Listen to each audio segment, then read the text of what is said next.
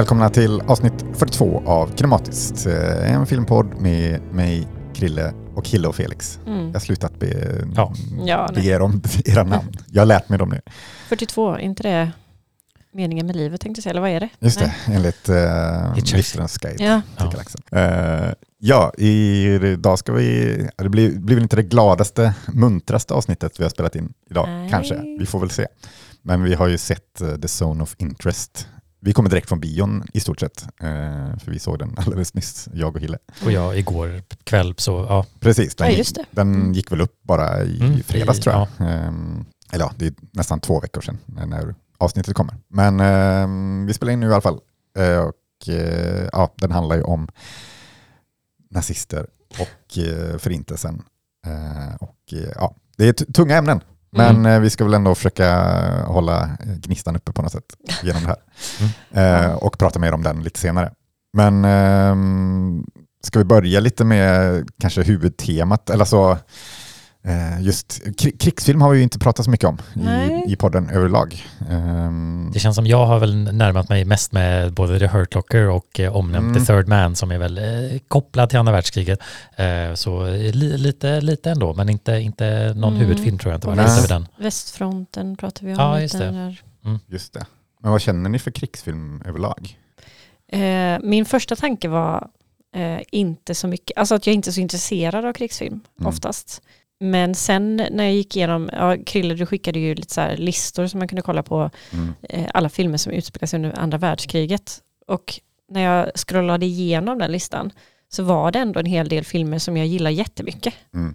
Så det beror ju helt på liksom vad det är för typ av film. Ja, men det är så här, vad är en krigsfilm egentligen? Mm. Alltså, ja, men, typ Zone of Interest till exempel. Då. Alltså, ja, den utspelar sig under andra världskriget.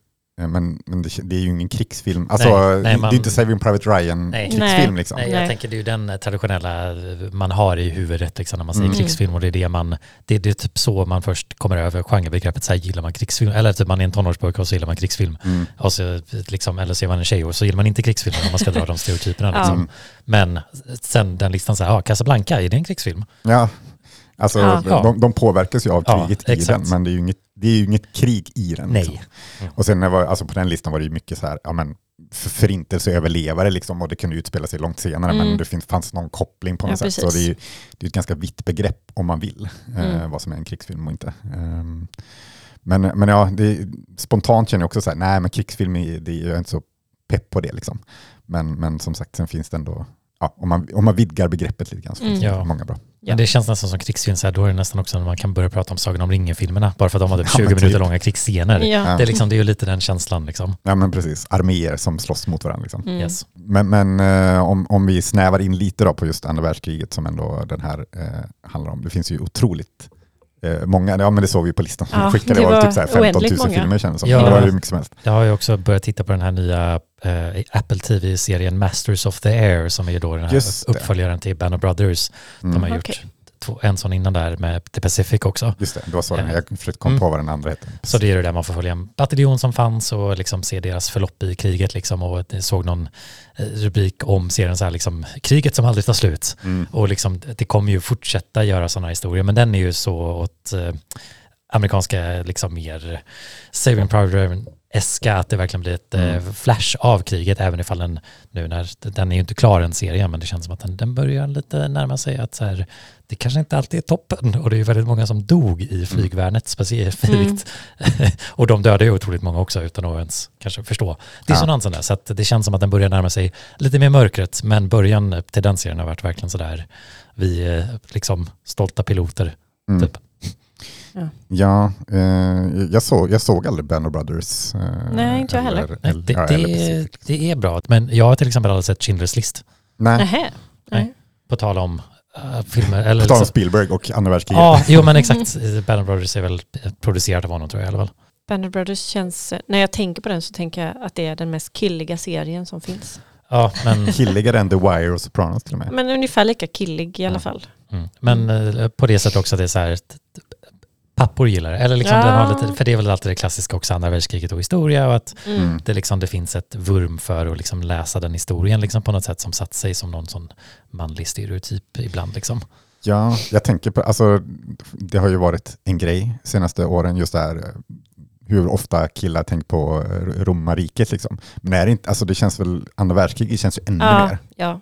Eller är det bara i ännu mer Sverige? klockrent. Ja, nej, jo det är en bra fråga. Ja, Mm. för det känns ju, ja, nej, det känns ju väldigt killigt med andra världskriget, det får Mm. man ändå säga. Ehm, ja just det, ja, vi snackar, ja, men, ja, Schindler's list känns ju, det känns svårt, eller det känns som man kommer in på den om man pratar om of Interest, men vi kan ju prata lite om den just hur eh, förintelsen eh, filmatiseras. Mm. Känns ju, ja, men Schindler's list känns ju lite, det är lite för mycket Hollywood i den, lite för liksom manipulativt på något sätt. Mm. I, i, Känslomässigt manipulativt. precis. Mm. Eh, och jag läste någon, eh, ja, det var på någon eh, recension av Son of Interest, just hur Steven Spielberg i den, eh, ja, det var, ja det var Mikael Haneke, regissören, som hade liksom kritiserat, kritiserat Schindler's list, tyckte den var liksom ganska kass. Eh, och mycket liksom att han, ja men, ja men det, han, han nämnde någon scen när eh, det är judar som, man vet inte om de ska få duscha eller om de ska gasas Ja, ihjäl. Och så, precis. och så blir det väl en dusch tror jag. Yes, jo, men den, den Och- scenen har jag faktiskt sett, trots att jag inte sett filmen Ja, i något och, annat kontext. den kan jag ju, alltså, ja, men, den är väl stark men den är kanske framförallt magstark. Eller alltså, det känns som man exploaterar på något sätt. Jag Ja. vet inte riktigt. Ja, Jo, men det, det känns som absolut finns i filmhistorien en diskussion om hur, om man ska porträttera förintelsen, finns det ett, kan man ens göra det etiskt korrekt liksom, om att visa det, för blir det bara exploatering då av Mm. liksom, offren av mm. förintelsen om man ska göra drama av det. Mm. Och Zone of Interest hamnar ju absolut på andra sidan av den konversationen. och Att säga, att nej, man gör inte det, man tar inte det steget, men man kan liksom, om man inte visar det så kan man ändå, så, alltså via dess, eh, eh, ja, att inte visa det är ett sätt att liksom lyfta upp det, eller på det sättet att vi vet redan vad som händer. Mm. Vi behöver inte se det för vår dramaturgiska njutning. Nej, Medan för, kanske Nej, eller vi här- behöver inte shock value för Nej. att kunna känna saker. nej, för det Ja. tänker jag också, eh, livet är underbart. Det känns ju också lite så här, ja, är det här helt okej? Ja, Den här italienska filmen då, när, Mm. om en, en pappa som försöker underhålla hans son i ett koncentrationsläger. Liksom. Mm. Jag har inte sett den. Nej, Nej. den har jag sett i italienska när jag pluggade det faktiskt. Ja, okej. Som Mm. ett exempel. Men jag håller med, jag tyckte den kändes lite så här, Alltså jag vet när jag såg den, eh, ganska, alltså när jag var yngre, liksom, bara, ah, det här är starkt, det här är bra. Liksom. Men, men jag har, inte- sett den sedan dess. Typ. Nej. Men varje gång jag tänker på den så får jag liksom sämre och sämre känsla i, i magen av den. Mm. Att så här, ja, det, är- det det känns inte riktigt, jag vet inte, känns inte Mm. rätt på något sätt.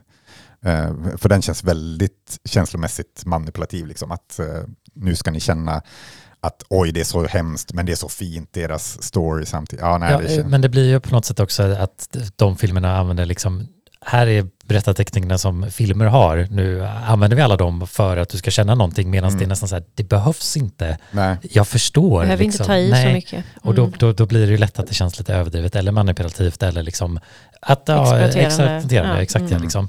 För det, det, det är ett så starkt ämne där vi har förhoppningsvis från skola och annat redan liksom har de bilderna och tar med oss det redan liksom till filmen. Mm.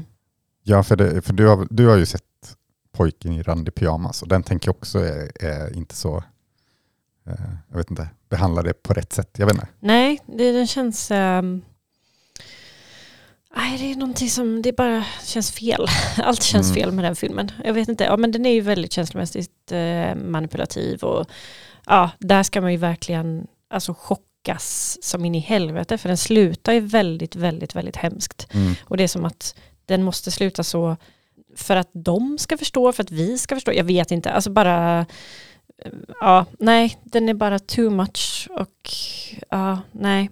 Ehm, Men, men eh, för, för en, en film som jag tycker gör det bra eh, är ju ehm, Son of Saul, den här ungerska ja. filmen. Mm. som ju, alltså den är ju verkligen mitt i allting, men den är filmad på ett sätt som gör att Alltså det är sånt fokus på honom, man följer, man följer typ hans, hans nacke typ följer man hela tiden Mm. och allt runt omkring blir liksom Suddigt. ja, men, Förlåt, ja, jag bara fyller i. Men det är för att jag också har sett den. Ja. ja. Ja, men eh, liksom ur fokus och man, man, man vet vad som är det men man ser det inte riktigt och eh, den, ja, men den tycker jag gör det väldigt eh, effektfullt. Mm.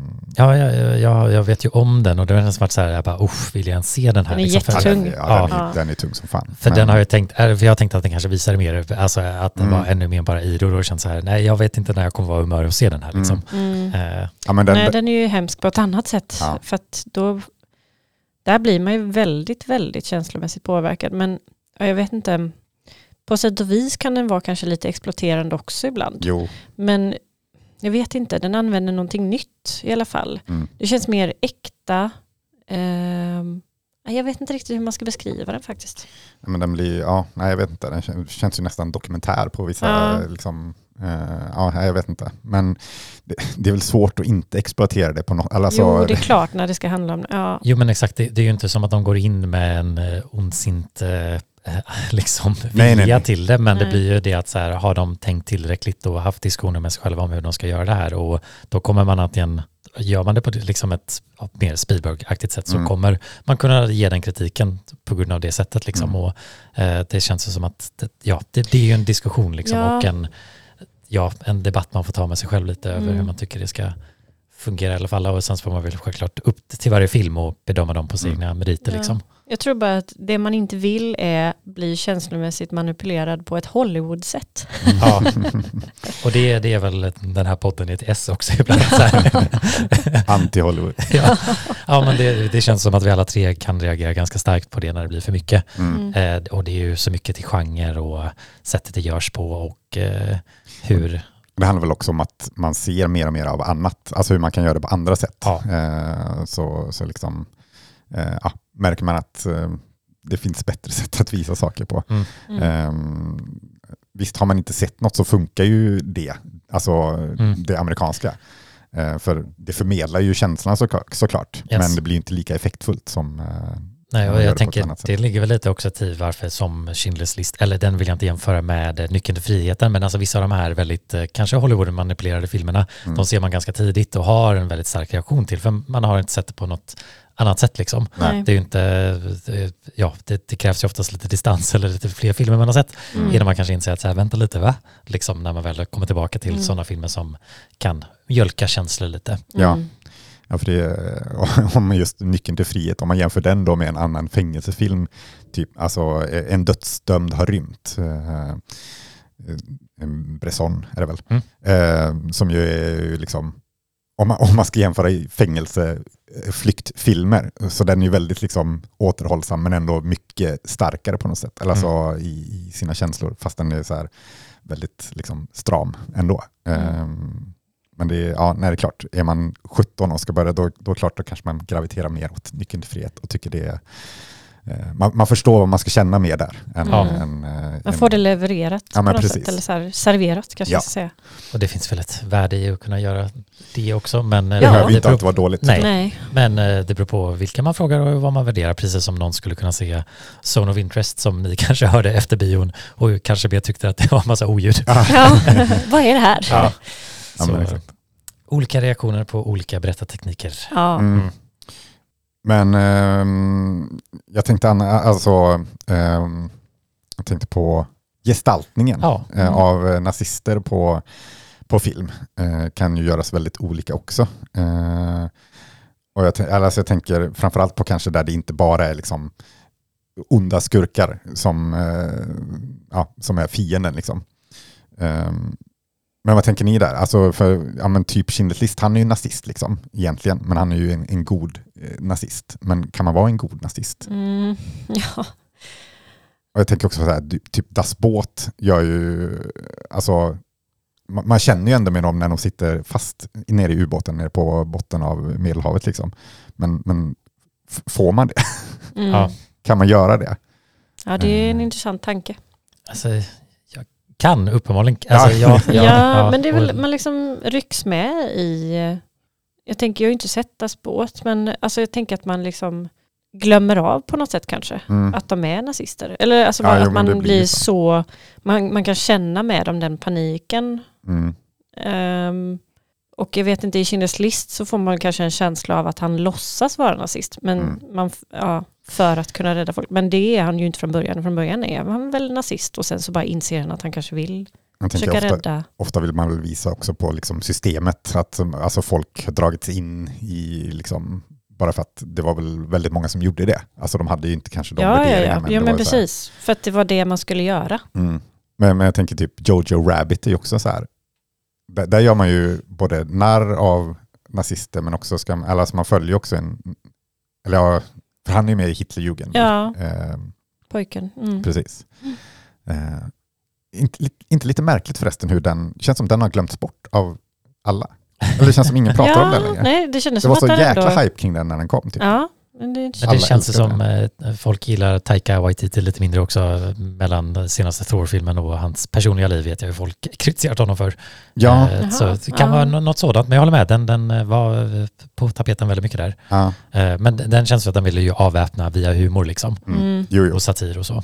Och det är väl ett ganska vanligt grepp. Att, Men det, eh, det känns som att den också fick mycket kritik för det. Det känns som Mm. att det, det är också en balans att gå på Mm. över Verkligen. vad som blir något förskönande och liksom mjuknar upp och vad som faktiskt liksom blir något subversive liksom och faktiskt eh, lyckas eh, med s- göra satir liksom. Mm. Mm. Eh, Men eh, jag tänker det med Das Boot och sånt där att, eh, och jämfört med sådana filmer som gör nazister till bara liksom oförståeliga monster Bad, ja. Mm. så är det ju så här, de var människor, de är människor. Mm. Det är människor som har gjort det här. Och det, ja, är- men precis. det är ju liksom, då kan man känna... Att det inte är så svartvitt på något sätt också Nej. kanske. Mm. Och det tänker jag Zone Mm. of Interest verkligen gör ett exempel av, liksom att så här, Mm. det här är människor. Mm. Liksom. ja, det är inte, även helt vanliga människor Ja. kan bli...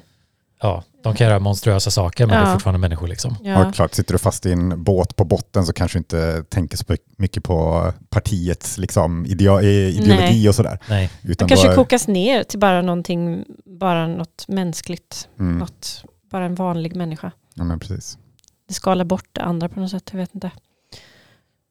Men jag tänker på i Schindler's list, alltså eh, Ray Fiennes eh, karaktär.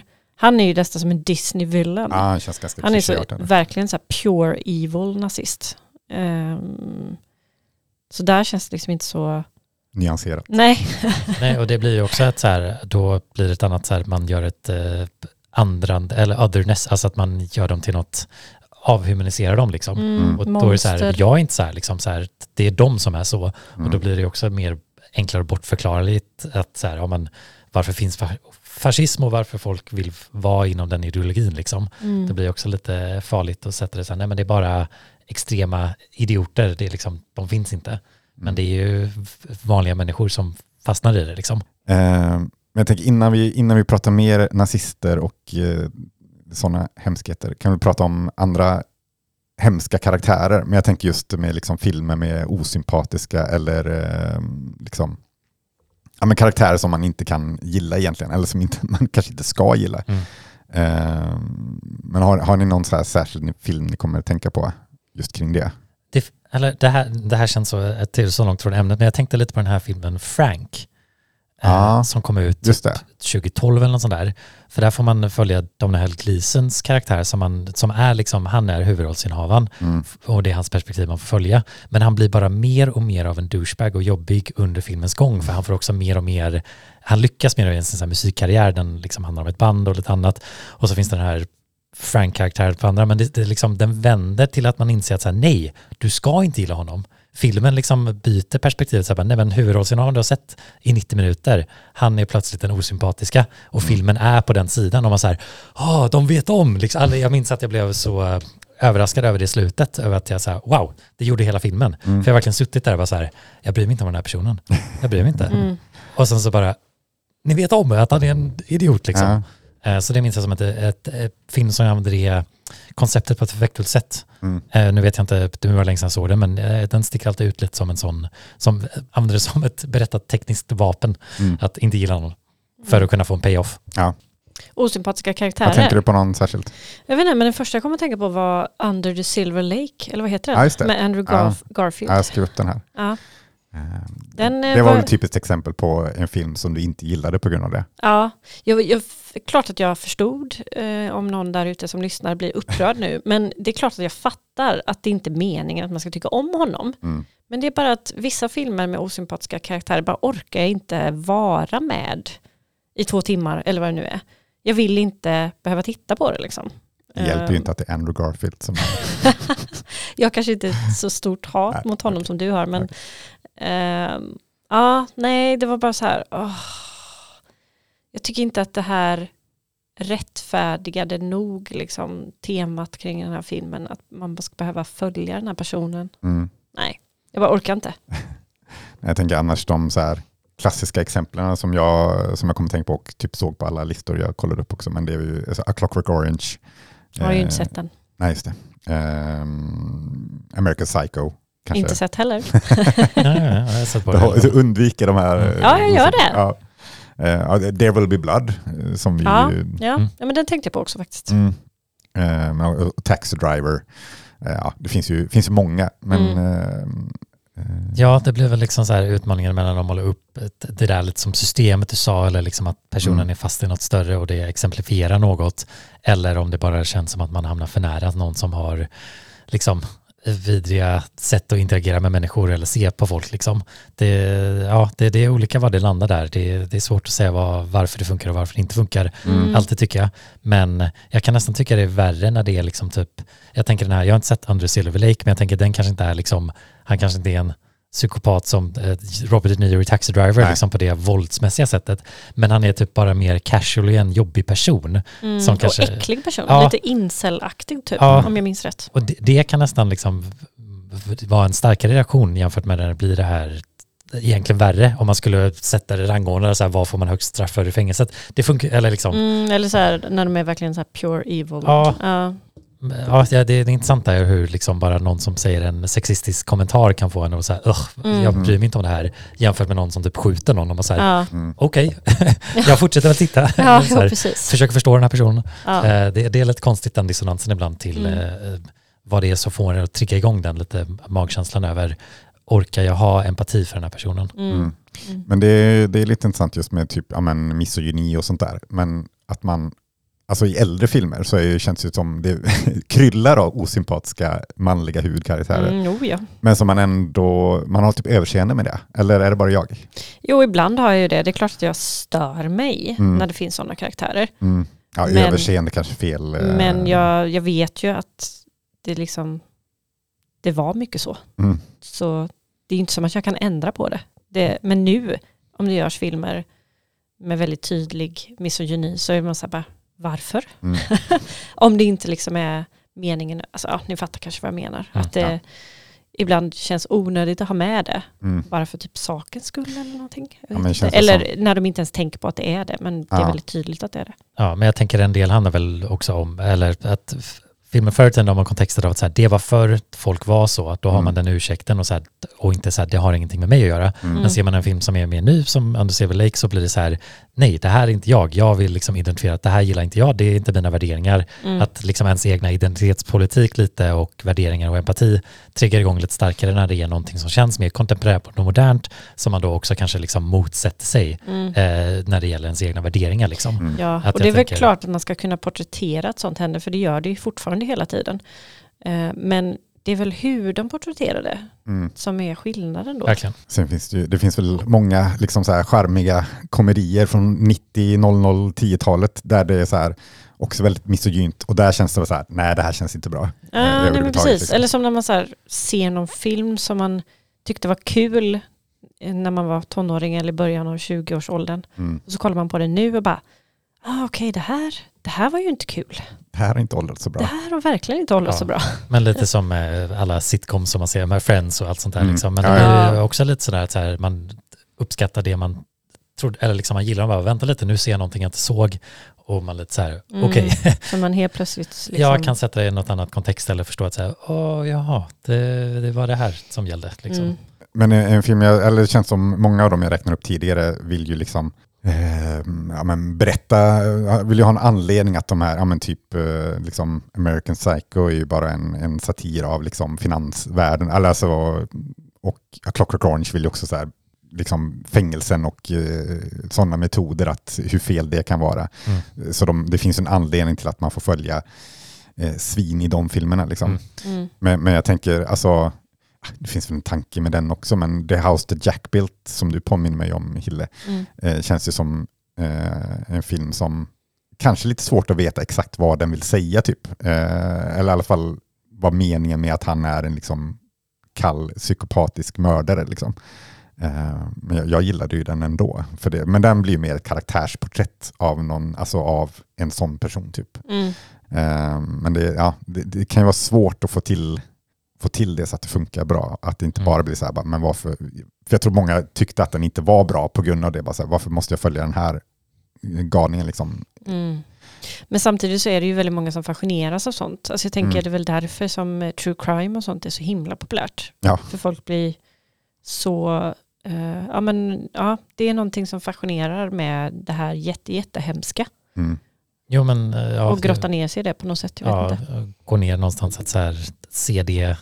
Det blir ju lite som att se skräck, liksom, att man ser det Mm. lite som så här, ja men jag överlever det här, eller liksom man får närma sig mörkret men på ett säkert sätt liksom. Mm. Och seriemördare har ju verkligen blivit en liksom, sak som ja, blivit en stor genre, speciellt bland kvinnor också just liksom, och Mm. det har jag hört vissa mena att liksom så här, ja, men det tillåter dem så här, ja, men det, något som är en mer vardaglig rädsla för kvinnor än män, Mm. så får de närma sig det, liksom, kanske förstå sig på eller på något sätt liksom, eh, Mm.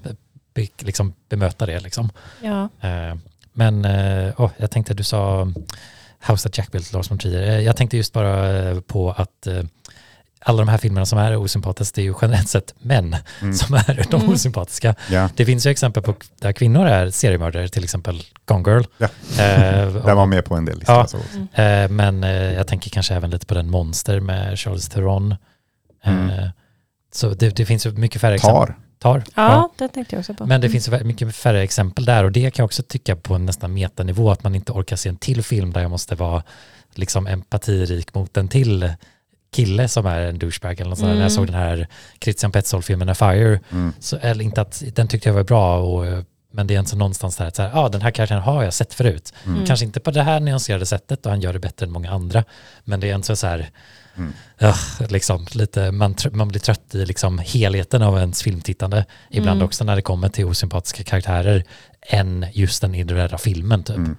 Ja, och jag tror, alltså för mig också, jag kan, jag kan ju bli särskilt eh, irriterad om den osympatiska eh, karaktären får, alltså uppmärksamhet och får, eller blir, blir bekräftad trots hur, eh, vilket asshole den är. Alltså jag tänker som i A Fire liksom, nej, gilla inte honom. Han är ju, han är ju ett asshole. Sluta. Mm. Ge honom ingen uppmärksamhet.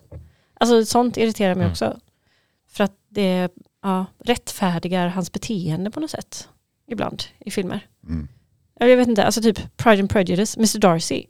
Han är ju ett svin. Alltså Ja. visst, han gör ju fina, alltså han hjälper till och gör fina saker. Men han är ju så jävla kall och så dissig och så här. Det är inte romantiskt. Sluta romantisera Mr Darcy. Men ja, det är... Nej, jag tänker bara på den här den manliga versionen av uh, Manic Pixie Dream Girl. Depressed Elf Nightmare Man. Mr Darcy. Ja. Ja, nej, jag, jag stör mig bara på sånt. Liksom, den så här, att man ska acceptera att män ska vara så här buttra, kalla, eh, nedlåtande. Mm. Och att det ändå så här, ja men han gjorde bra saker. Mm. Så det är så romantiskt. Ugh, nej, nej tack. Men så, jag, jag tänkte också så här på men alla gangsterfilmer som görs. Som liksom, jag vet inte, det är väl många som misstolkar dem och liksom hyllar ja, men, typ Scarface eh, som att vilken cool kille. Ja, Gudfadern för den delen Ja, också. ja men precis. Eh, Och maffiabröder och liksom. Men- det är, väl inte, det, det är väl inte tanken med filmen tänker jag. Eh, även om det kan vara svårt att se det ibland. Eh, Nej, men, men nej, nej det, det känns ju som att det är nog inte så många som gör sådana filmer. I alla fall inte helt medvetet vill. De sympatiserar ju med dem. Det är ju väldigt många som talar att så här, ska man spela en sån roll eller göra den rollen så måste man hitta empatin till dem, liksom, Mm. oavsett eh, vilka värderingar de har. Men Mm. sen så kunna veta hur det, liksom, den stora massan kommer liksom försköna det är svårare att kontrollera liksom. Och Mm. det känns som att det blir Fight Club till exempel, att den blev en sån liksom så här, folk såg, inte den som en satir eller liksom en, en kommentar på liksom toxics eh, maskulinitet, Nej. utan blev liksom en så här, åh, ett ideal typ liksom. Mm. Mm. Eh, så att, ja, man vet var ansvarsgränsen ligger där eller liksom, och hur naiva kanske filmskaparna är egentligen. Liksom, för Mm. att de är ju säkert i ett system där de inte behöver ifrågasätta allt så mycket. Eller jag tänker att, det är, att de är ett manligt fält på något sätt. Liksom. Mm. Det känns som, ja, men Scorsese ju annars, han känns som han är väldigt bra att ha med, eh, eller att man får följa osympatiska karak- karaktärer. Eh, inte, senast inte minst eh, Leo DiCaprios Mm. karaktär, och även om han kanske mest är dum, men han är ju han är inte särskilt sympatisk direkt. Nej, han gör ju Eh. ganska mycket hemska saker. Ja.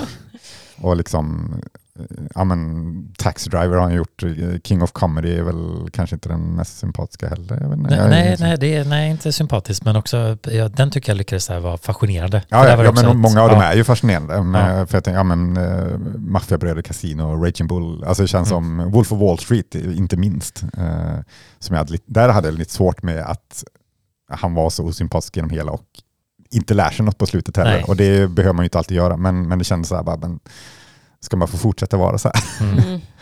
Ehm, så ja, han har en, han har en uh, fäbless för usla män helt klart. Ska jag säga.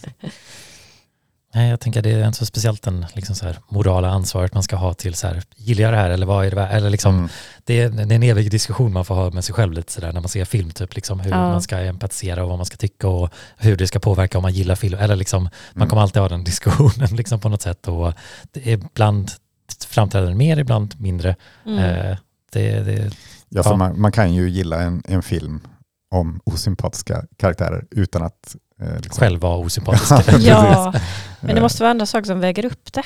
Det måste kännas som att det är värt att titta på det på något sätt. Mm. och det, Ja. det blir ju helt subjektivt vad det är. Ja, Det kan ju vara att det är en underhållande film, det räcker ibland Mm. liksom. mm. Eh, Men eller en intressant berättelse. ja, Jag vet inte. vad, man, vad man lämnar så här, nej men det här är en dum actionrulle om idioter, Mm. det är okej, eller liksom, men ja, det blir väl ens egna identitetspolitik där någonstans. Och det är väl därför Mm. också just det här med tonåringar, att man kan bli så mer influerad och få ideal som i Fight Club, tänker jag då specifikt där igen, Mm. att man ser upp till de karaktärerna på Ja. eh, kanske ett eh, sätt man inte gör när man växer upp lite. Ja. Das hier ist die Mauer vom Lager. Ja, ja, das ist die Lagermauer. Also da haben wir auch noch Wein gepflanzt, damit das zuwächst, damit man das nicht mehr so sieht. Vielleicht ist ja Esther Silbermann dort drüben. Wer war das nochmal? Ja, die, für die ich geputzt habe. Men eh, då eh, ska vi prata om eh, årets vinnare av bästa utländska film på Oscarsgalan, The Zone of Interest. Eh, eftersom, den också, ja, men eftersom den också är nominerad till bästa film så måste den ju vinna den. Det har väl funkat så senaste gången. Det funkar så. alltid så. Ja. Men det är ju en sån spoiler då. Ja. Att de gör så. Ja, men det, det, har vi, det tror jag vi snackade om eh, senast, men just att eh, eh, man borde ju tas bort från den om man liksom eleveras till bästa filmkategorin så borde man ju tas bort från bästa utländska film, Mm. kan jag tycka. Så får Mm. fem andra slåss om det priset. Eh, men ja, grattis till det priset i alla fall. Mm. Eh, Ja, jag hoppas den vinner bästa ljud också. ja, den känns som den borde kunna vinna några till i alla fall. Mm. Ehm, men Jonathan Glazer, eh, hans senaste film, har Vad har tidigare... han gjort innan? Ja, förlåt. kan du chilla lite? Eller? Nej! Eh, han har tidigare gjort eh, Under the Skin och Birth. Och eh, är det han som gjorde Sexy Beast också? Ja, Så det, det är väl typ de. Han kanske gjort någon till. han är ju också känd för att göra många bra musikvideos. Mm. Eh, gjorde till exempel Karma Police till Radiohead. Eh, så han har ju bakgrund i det också. Eh, jag tror jag nämnde honom när jag pratade musikvideos eh, flera avsnitt. Eh, men det är ju i alla fall en film som utspelar sig eh, under andra världskriget och vi får följa eh, familjen Höss eh, som eh, där pappan är eh, kommandant, Ja. säger man väl på svenska också. Över i princip hela Auschwitz. Över Auschwitz, exakt. Eh, Men vi får inte följa så mycket av Auschwitz utan det är mest deras liv vägg i vägg med Ja. koncentrationslägret. De bor ju precis bakom muren. Ja, men, Det, ja, det Vägg i vägg i bokstavligen. Ja, precis. Vägg i vägg. Ehm, och eh, de, eller ja, övriga familjen försöker leva någon slags idylliskt liv där liksom. Eh, samtidigt som han eh, ja, försöker göra sitt jobb. Det låter, låter ju- Ja, men det, det blir liksom så här, han Mm. eh, fokuserar på karriären, Ja. eh, liksom, hans fru fokuserar på hemmalivet. Liksom, ja, och, och sin trädgård. yes. Eh, Båda verkar ju väldigt passionerade på, se, på Mm. så sätt med det de precis. sysslar med. Mm. Men ja, så mycket mer är väl inte storyn egentligen. Nej. Eh, jag läste väl någon som skrev någon recension att det, är liksom, det finns inte så mycket story i den, utan det är mest att man bara får ja, följa det här livet. Eh, men som du sa också, eller det är för just man, man får inte se man får inte se Auschwitz egentligen, mer än bara liksom eh, skorstenarna och eh, liksom ljudet från... Mm. Eh, från Elden och röken Precis. och mm, ljuden. Eh, Så som, som du sa innan vi spelade in här, eller var någon som kanske hade sagt, men att eh, det man ser är en film och det man hör är en annan film. Ja, nej men det är, det är Jonathan Glazer själv som har beskrivit processen så, liksom att han har verkligen, han, han, för jag har lyssnat på lite intervjuer med honom nu efter, och han berättar att han gjorde hela filmen utan ljud, klippte klart den, sen började de arbeta på ljudet Mm. och la över det och var väldigt medvetna för rent liksom eh, filosofiskt i storyn så vill ju han se att de här karaktärerna, de hör ju inte de här ljuden. De är liksom döva för det för att de har vant sig vid det. Mm. Så att han tyckte inte det var ett problem, problem att klippa filmen utan ljud för att Nej. han skulle få deras liksom, perspektiv bättre. För han pratar mycket om att hela idén med det här är ju att kunna visa att här är vardagliga människor, liksom, visst de känner saker och jag vill visa vad de bryr sig om, men jag vill också visa hur det har blivit liksom, helt avtrubbat för dem, att de inte ens märker det. Mm. Eh, De hör det inte längre. nej, De exakt. ser det inte. Och, men vill ju då via ljudet visa till oss tittare att vi Vi, vi hörde ju verkligen. Ja, Mm. och det är ju någonting som är konstant under filmens gång. Det är nästan alltid det här bakgrundsståvande ljudet som de har då arbetat väldigt nära varandra förstod jag i processen att skapa. Bara ett så här ihärdigt fabriksljud typ, eller bara så här Mm. dro- dronande ljud. Liksom, Yes, för de vill ju liksom kunna göra, för att det handlar ju om, liksom, det är ju tiotusentals människor inne där och liksom det ljudet kan de representera, de vill inte liksom representera någon individuell enskild persons Mm. liksom, smärta eller plåga, liksom, för han är ju, som vi nämnde lite innan, är väldigt ointresserad av att visa eller porträttera våldet, Mm. för han ser ingen värde i det. Liksom. Mm. Nej, och det var ju det vi snackade om, hur man kan po- porträttera det och eh, som vi väl nämnde så Zone of Interest gör det ju väldigt bra. Eh, Man har ju, man har ju redan förkunskapen om vad som hände där liksom. Exakt. Eh, och ja, det räcker med ljudet liksom. Vi vet, eller det hade, det hade räckt utan det också nästan. Ja. Alltså man, mm, ja, man vet För man ju vet liksom. vad som händer på andra sidan Precis. Mm. Och, och det är väl, det är väl någon, eh, någon tidig scen där, när, där de får ett paket med kläder liksom. Och ja, men ni får välja något av de här och man, man vet ju vad det är för kläder liksom. Yes. De behöver ju inte säga det. Precis. Eh, Och hon tar på sig någon eh, pälskappa. Ja. Och man vet liksom att det ja, det är från någon i lägret. ja men precis. Och sen så bara, ja men här är ett läppstift liksom. I och så här, fickan. ja, Mm. Och så, här, oh, liksom, Testa det. ja. Ja. Mm. Så eh, ja, nej men den eh, show not tell har väl aldrig varit så, eh, så väl eh, använt eh, Nej. som här nästan. Mm, Och- det, ja. liksom muren blir den här metaforiska dissonansen de karaktärerna har också. Att så här, Mm. ja, men det är bara bakom muren, liksom, här är vår fina trädgård. Mm. Men på andra sidan, ja, vem bryr sig? Det är en mur i vägen. Liksom. Mm. Jag bor här. Liksom. Ja. Och det, det blir också så talande när hon säger Eh, alltså frun då, hon säger att ah, men om, något, om något år så kanske de här rankorna kommer täcka muren så vi slipper se den. Och även scener där man så här ser dem blanda ner aska för att liksom börda jorden. Ja, Mm. herregud. Ja. Det är så jävla mörkt. Så alltså. det det är ju man, det är ju många scener där man verkligen ser hur naturen påverkas av det här industriella samhället de bor i som är Mm. ja, Auschwitz liksom på den tiden liksom, att, och de effekterna och ja, det, det blir ju väldigt påverkande Mm. eh, på en liksom och, eh, och Ja, det visar ju bara på att det behövs inte mer än så här för att man ändå ska känna jättemycket. ja, Alltså vi behöver inte vara rakt inne i misären med riktigt hemska, fruktansvärda närbilder på någon som typ blir ihjälslagen eller någonting. Nej. Eller skjuten. Utan det räcker liksom med att vi ser det här och hur de ignorerar det runt omkring dem i familjen liksom och bara lever mitt i det i sitt lilla idylliska paradis.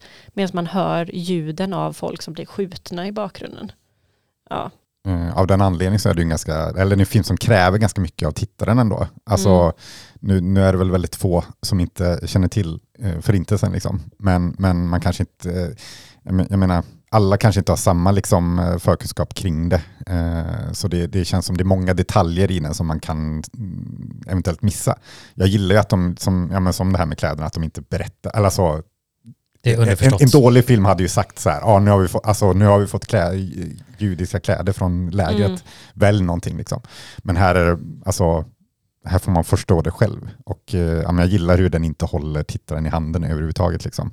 Nej. Ehm, Ja, eller som ett, ett brev som mamman eller frun hon läser och sen så slänger hon det i, i elden. Och man behöver inte veta vad som står på den för man fattar ändå mm, vad det står på det. nej, Och, och, och man, får ju, alltså man får ju viss eh, exposition i liksom när, när pappan pratar med andra eh, eh, Ja, nazister, Nazister. eller officerare Ja, och precis. liksom. Och prata om liksom planer och, och hur de ska eh, jobba vidare med, med Ja. det här. Liksom. Mm. Eh, men utan att det ändå är för, liksom, det är inte liksom superdetaljrikt. Eh, men man förstår ju vad de pratar om. Liksom. Mm.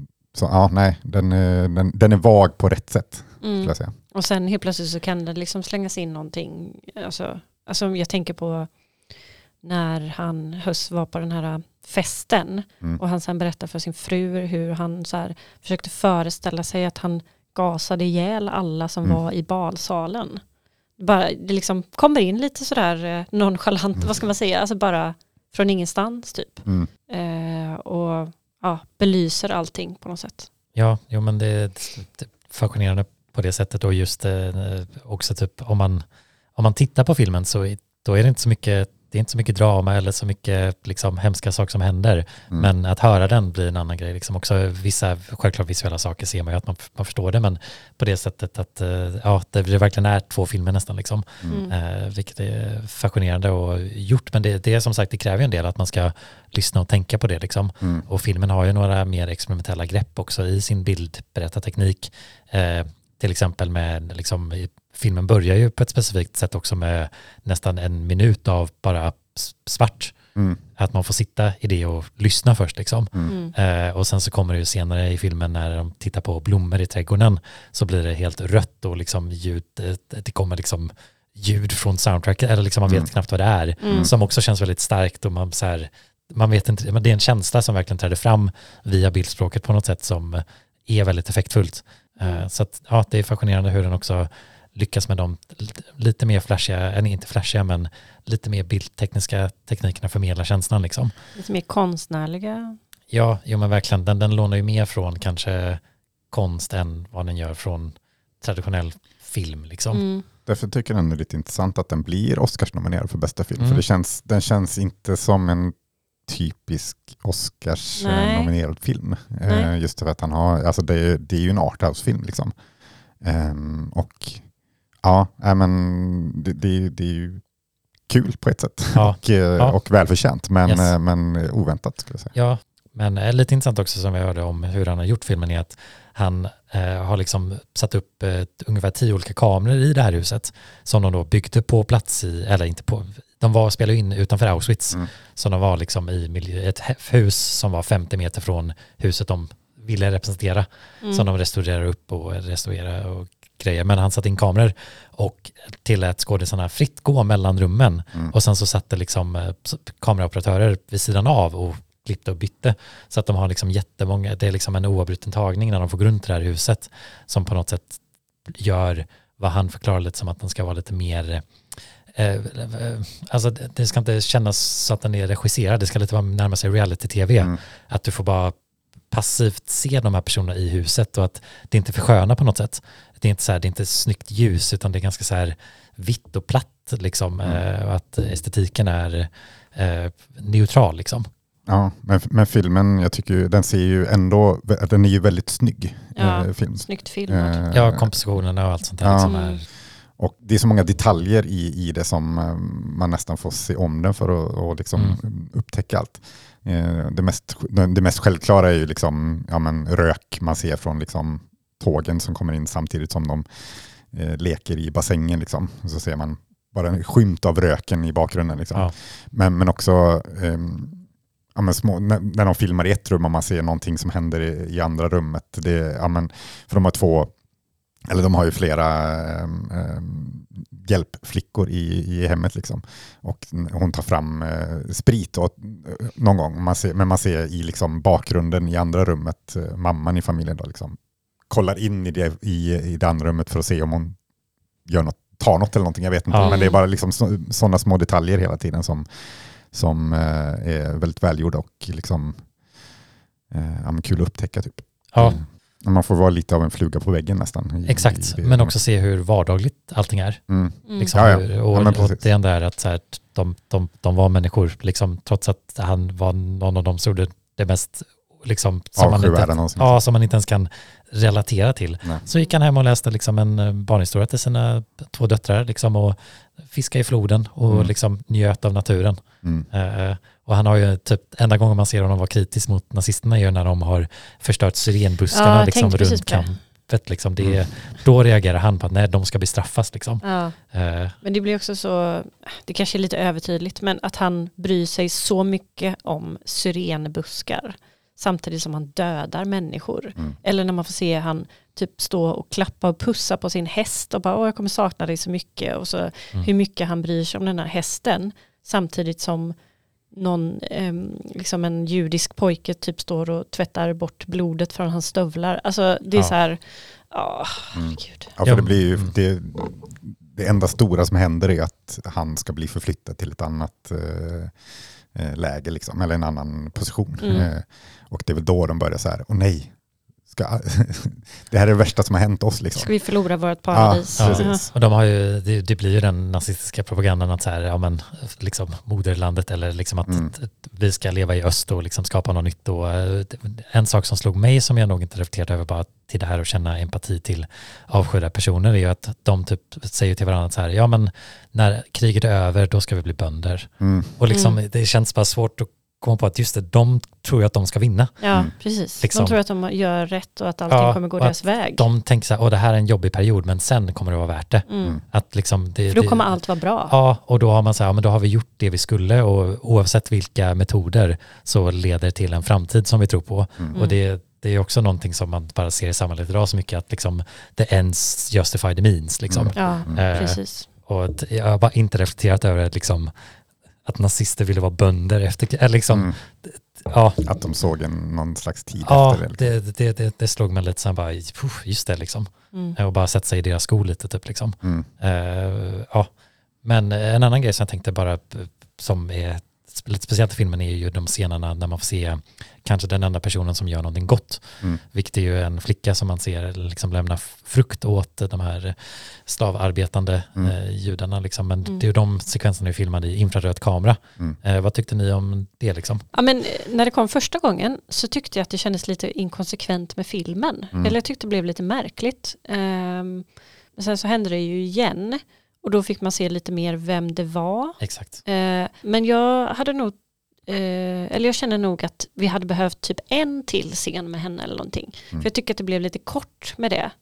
Eh, det kändes liksom lite intryckt på något sätt. Jag hade gärna velat se lite mer av det. Ja. Men visst, sen handlade det ju, eller ja, på sätt och vis så gjorde det väl det. Alltså, att det cirkulerar mer kring just nazistfamiljen. Mm. Men eh, ja, nej, jag hade nog velat ha någonting mer så att Ja. det inte kändes så kort. Ja men förstår jag. jag överlag så gillar jag den som tyckte bara visuellt det såg häftigt ut och lite visar ju så här att den här personen som gör något gott det visas på det mest alien sätt Mm. jämfört Mm. med resten av filmen. Att det Ja. blir liksom en moralisk invertering över så här, Mm. här får du se någon i liksom infraröd kamera som ser nattsvart och övervakande ut liksom som någon skurk mitt i natten. Mm. som gör något bara simpelt som kanske inte knappt hjälper liksom. Mm. Eh, men Ja, jag tyckte det var snyggt också hur de klippte till alltså, vanlig eh, kamera när hon kom in Ja, igen. ja, eh, det eller tyckte när jag de också var filmade inifrån. Mm. Ehm, det var, det var snabbt men absolut väldigt Mm. effektfullt liksom, att Mm. känna den liksom, perspektivskiftet. Mm. Liksom. Mm. Eh, och sen så också, eh, också att det leder till att hon hittar, ja, eh, en sak som de har lämnat efter sig, liksom, det var också Mm. en kraftfull scen, Mm. den Mm. sekvensen.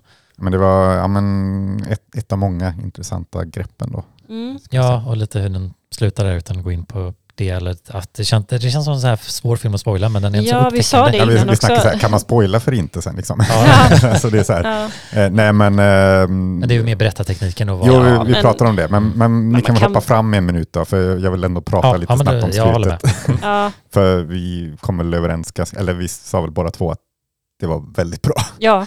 Eh, men, men för, ja, och spoiler alert då, eh, han på den här festen som vi pratar om så, så går han ner för trappan och börjar må lite dåligt eh, och stannar till det klipps till eh, nutid. Han tittar liksom Han in tittar i en mörk korridor. korridor. Ja, men det blir som ett titthål Ja, det på börjar med skärmen. Liksom. Men eh, det Mm. klipps till nutid och eh, Auschwitz-museet. Eh, och vi får se de som städar museet dagligen. Liksom. Ja, Mm. förbereder för... förbereder för dagen.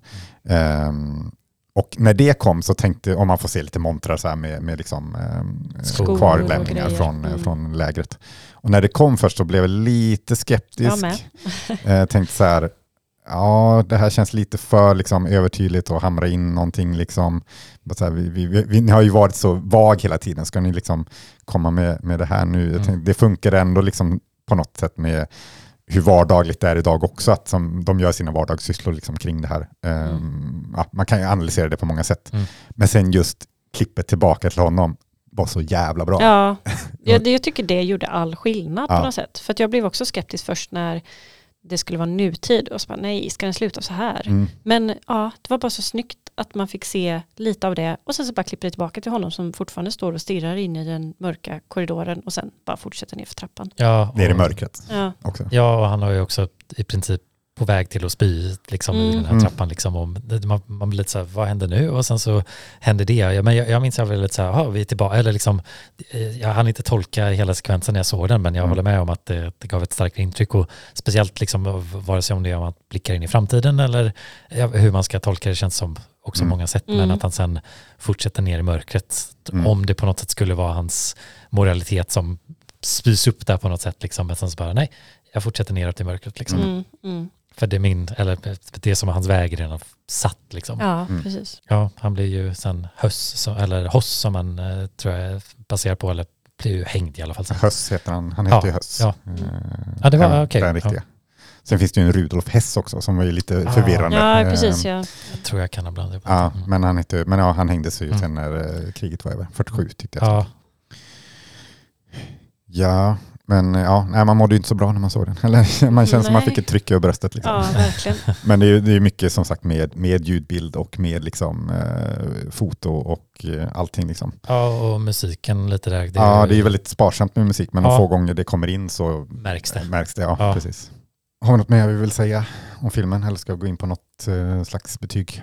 Ja, vet, ja alltså den, den är fascinerande. Jag har varit fascinerad och har Ja. redan gjort den, men det är nästan sån där eh, en film man eller upplever nästan mer än vad man eh, Mm. liksom, ja, det är nästan som att så här, är det nödvändigt att sätta betyg på, eller liksom, Mm. den är liksom lite frångår den konventionen nästan lite, men självklart så kan man ju göra det liksom. Mm. Eh, Det är inte så att jag tycker vi inte ska, men eh, det, det slog mig Du efter. har, ju re- eller du har redan gjort det. Ja, jag vet, jag vet. Mm. Men jag tänkte redan då att så här, jag bara, liksom. Eh, men ha, ska, vi ändå, ska vi sätta ett betyg ändå då? Ja. Trots allt. Eller jag vet inte, du kanske inte vill Hille. men Jo, får. Eh, jag, jag, sa- jag satte en, en fyra för nu. Eh, ja, en fyra satte jag. Mm.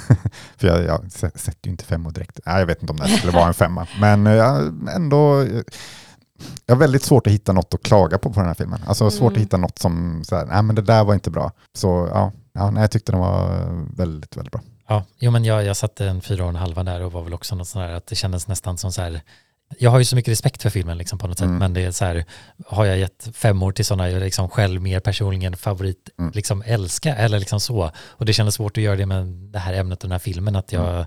det är mer hantverket och hur den är gjord och självklart är det mycket av det liksom experimentella toolen som funkar för mig och ljud, alltså så mycket hantverket bakom den. Mm. Så att det blev nästan så här, det spelar inte så stor roll vad jag tycker om den, men jag tyckte det var väldigt väl gjort Mm. liksom. Ja, det är svårt att Mm. relatera till det. Ja, men det kändes också konstigt så här, det är en femma. Eller Ja, liksom så här, ja, bara för ja, att det, det brukar mer vara en eh, starkare positiv känsla jag kanske gör, ger till filmer än sådana som känns kanske det här mer viktiga, eh, liksom eh, ansvarsfulla.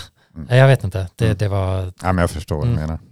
Ehm, ja, jag, jag tänker precis på nu att det känns som en viktig film för att se, för att inte bli avtrubbad på något sätt. Så som de var avtrubbade. Eller den, den lyfter ju det väldigt bra. Kanske vissa skulle säga lite eh, att det är lite för uppenbart typ. Eller lite för on the nose. Jag vet inte. Mm. du tänker den här filmen? Ja, Okej, ja. men, eh, Men vad landade du i für betyg? eh, men en fyra just nu i alla fall också. Tänker jag. Die herrliche Zeit, die wir im gastlichen Hause Hörs verlebten, wird immer mit zu unseren schönsten Urlaubserinnerungen gehören. Då ska vi bara avsluta med en lista i vanlig ordning. Och jag ska göra något som jag aldrig har gjort förut faktiskt. Jag ska lämna över till Hille. Ja. Ah, kul. Ah. ja, jag, Det blir listdebut för Hille. Ja. Mm. Eh, nej men vi har ju redan pratat om osympatiska karaktärer. Eh, Så det kommer väl inte riktigt vara det. Men jag tänker mer liksom så här, karaktärer som jag har hatat Ja, i filmer. Ja, ja, men eh, lite mer, ja, Ja, och det kan vara olika slags hat. Eh, men jag har hatat på något sätt. Mm. Och det kommer liksom inte vara så här, ja men någon porträttering av Hitler om du fattar. Alltså det kommer inte vara hat Nej. på det sättet utan jag ville göra Vi det. vet att du hatar Hitler. Ja, precis. Jag vill inte vara så obvious kanske. Eh, även om någon kanske är lite obvious, jag vet inte. eh, ja, men då börjar vi med femte platsen. Och det här kanske är lite kontroversiellt, jag vet inte. Mm. Men Scott Pilgrim. alltså, det finns saker jag gillar med den filmen. Och det är klart att den var liksom en, eh, något eget när den kom. Och det fattar jag. Och det, fan, det finns grejer som är roliga med den, det tycker jag absolut. Men alltså fan, Scott Pilgrim är ett sånt jävla svin. Mm. Och det kanske är meningen att man ska hata honom. Det är det väl kanske. Men nej, fan vad jag, alltså jag, jag kollade när jag såg den senast, det var 2020. Och då hade jag nog inte sett den på kanske tio år eller någonting. Jag minns inte riktigt. Och eh, jag bara insåg, bara, men fan, han är ju, nej, vilken hemsk människa. Mm. Han är, han är 22 och är ihop med en 16-åring som han helt plötsligt bara dumpar och ja, och sen så blir han besatt av den här tjejen då, Ramona Flowers eller vad hon Mm. heter. Eh, hon är kanske inte så sympatisk heller som karaktär, men det är bara så här, nej jag vet inte, det är så mycket sexistiska element i den filmen. Mm. Eh, och jag stör mig på honom jättemycket. Mm. Ja. Så där har vi femteplatsen. Stark start. Ja. Eh, på plats fyra så har vi eh, Ryan Goslings karaktär Noah i eh, The Notebook. Har ni sett den? Nej, jag har inte sett det. Nej. Eh, men han är i alla fall, eh, den här utspelar sig väl på 50-talet kanske eller någonting. Och han eh, stakar och tjatar och hotar att ta livet av sig om inte Rachel McAdams karaktär blir ihop med honom. Och de försöker få det här till en jätteromantisk grej då. Och det handlar väl om liksom när de är gamla sen och de läser ifrån hennes dagböcker eller någonting. Eller om det är hans dagböcker, jag vet inte. Eh, och de ska liksom ha levt ihop hela livet då, och hon har typ blivit dement och börjat glömma saker. Eh, och ja, de vill helt enkelt få det till eh, ja, att det är väldigt romantiskt då. Hur Och han, väldigt många tycker det. Ja, jo, det känns som att det är väldigt många som tycker att det är Mm. romantiskt. Men eh, nej, Vad, vad är den svenska titeln? dagboken eller någonting. Ja, men den har någon undertitel som är jätterolig också. Får jag bara kolla upp det Eh, Den heter i alla fall eh, Dagboken. Jag sökte dig och fann mitt hjärta. ja herregud. Det måste vara den lökigaste titeln någonsin. Ja, det var det verkligen. Alltså svenska titlar. Ja, Ja, eh, på tredje plats, Mm. eh, det här har jag rantat om innan. Men där har vi Chris Pratts karaktär i Passengers. Mm. Mm.